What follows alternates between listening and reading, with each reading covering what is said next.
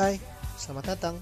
Di podcast ini akan ada banyak sharing-sharing, akan ada banyak renungan firman Tuhan yang pastinya akan memberkati kita semua supaya semakin bertumbuh di dalam Tuhan.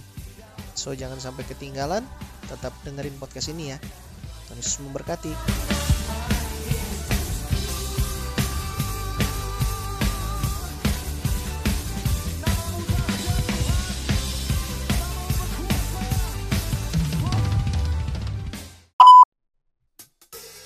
Haleluya, puji Tuhan.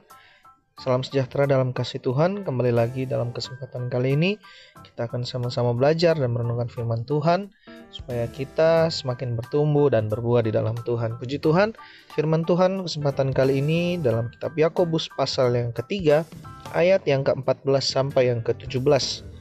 Demikian firman Tuhan. Jika kamu menaruh perasaan iri hati dan kamu mementingkan diri sendiri, Janganlah kamu memegahkan diri dan janganlah berdusta melawan kebenaran. Itu bukanlah hikmat yang datang dari atas, tetapi dari dunia, dari nafsu manusia, dari setan-setan.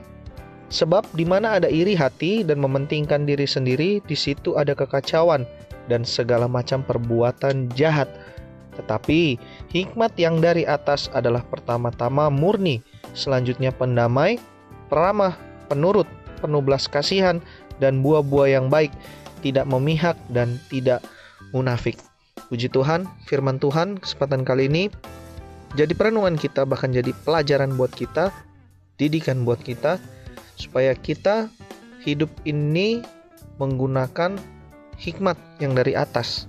Bukan hikmat dunia, bukan hikmat manusia karena dikatakan hikmat yang dari dunia itu ada perasaan iri, mementingkan diri sendiri. Bahkan dikatakan bisa melawan kebenaran.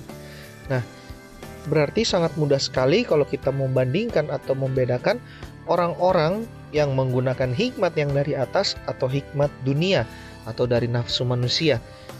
Kalau dikatakan nafsu dari manusia atau hikmat yang dari dunia, hikmat dari manusia itu menyebabkan iri hati atau ada kepentingan diri sendiri untuk menguntungkan diri sendiri.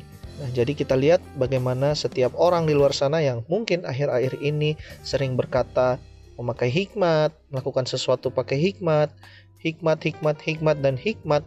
Kita harus lihat dulu apakah motivasi dari hikmat yang mereka bilang itu. Nah, hikmat yang dari atas atau hikmat dari dunia. Kita bisa melihat dari buahnya.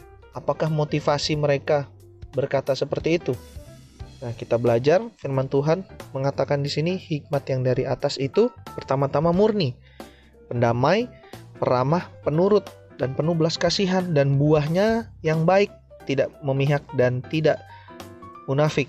Nah, dalam pekerjaan pun ketika orang yang benar-benar bekerja dengan tulus, kita bisa melihat bagaimana e, buahnya, bagaimana hasilnya, apakah baik, bagaimana pribadi orangnya, apakah yang dia perbuat itu membawa damai sejahtera, membawa hasil-hasil yang baik, bisa dikatakan itu hikmat yang dari atas, yang dari Tuhan. Tetapi kalau ada pekerjaan atau sesuatu yang dilakukan itu tujuannya untuk mementingkan diri sendiri atau karena ingin bersaing atau ingin berlomba lebih hebat dari yang lain karena iri, bisa dikatakan itu hikmat dari dunia. Makanya teman-teman semua belajar firman Tuhan kesempatan kali ini supaya kita tidak terkecoh atau tidak bingung dengan mana yang hikmat dari Tuhan atau mana yang hikmat dari dunia. Dan teman-teman mesti ingat ketika kita bekerja dengan adanya kepentingan untuk diri kita pribadi mungkin atau untuk satu golongan, sebuah golongan, pasti ujung-ujungnya akan ada kekacauan, pasti akan ada segala macam perbuatan jahat di dalamnya. Makanya teman-teman semua minta hikmat sama Tuhan. Salomo pun yang dikatakan orang yang paling berhikmat, dia minta hikmat sama Tuhan. Dan Tuhan kasih karena Tuhan tahu Salomo ini orangnya dekat dengan Tuhan. Nah begitu juga dengan kita, minta hikmat sama Tuhan. Dan Tuhan pasti akan kasih sama kita. Asalkan kita dekat dengan Tuhan, kita punya hubungan yang intim dengan Tuhan, yang erat dengan Tuhan, pasti Tuhan kasih.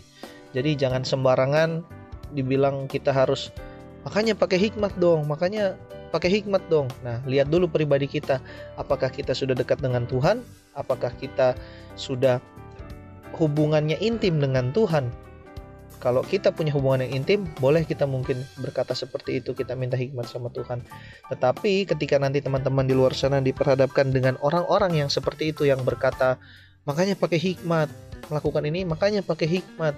Teman-teman lihat dulu, jangan langsung diserap mentah-mentah.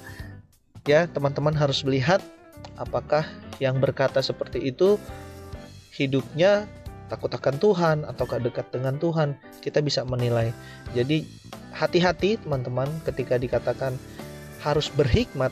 Nah, kita lihat apakah hikmat yang digunakan itu hikmat yang dari atas, dari Tuhan, ataukah dari dunia.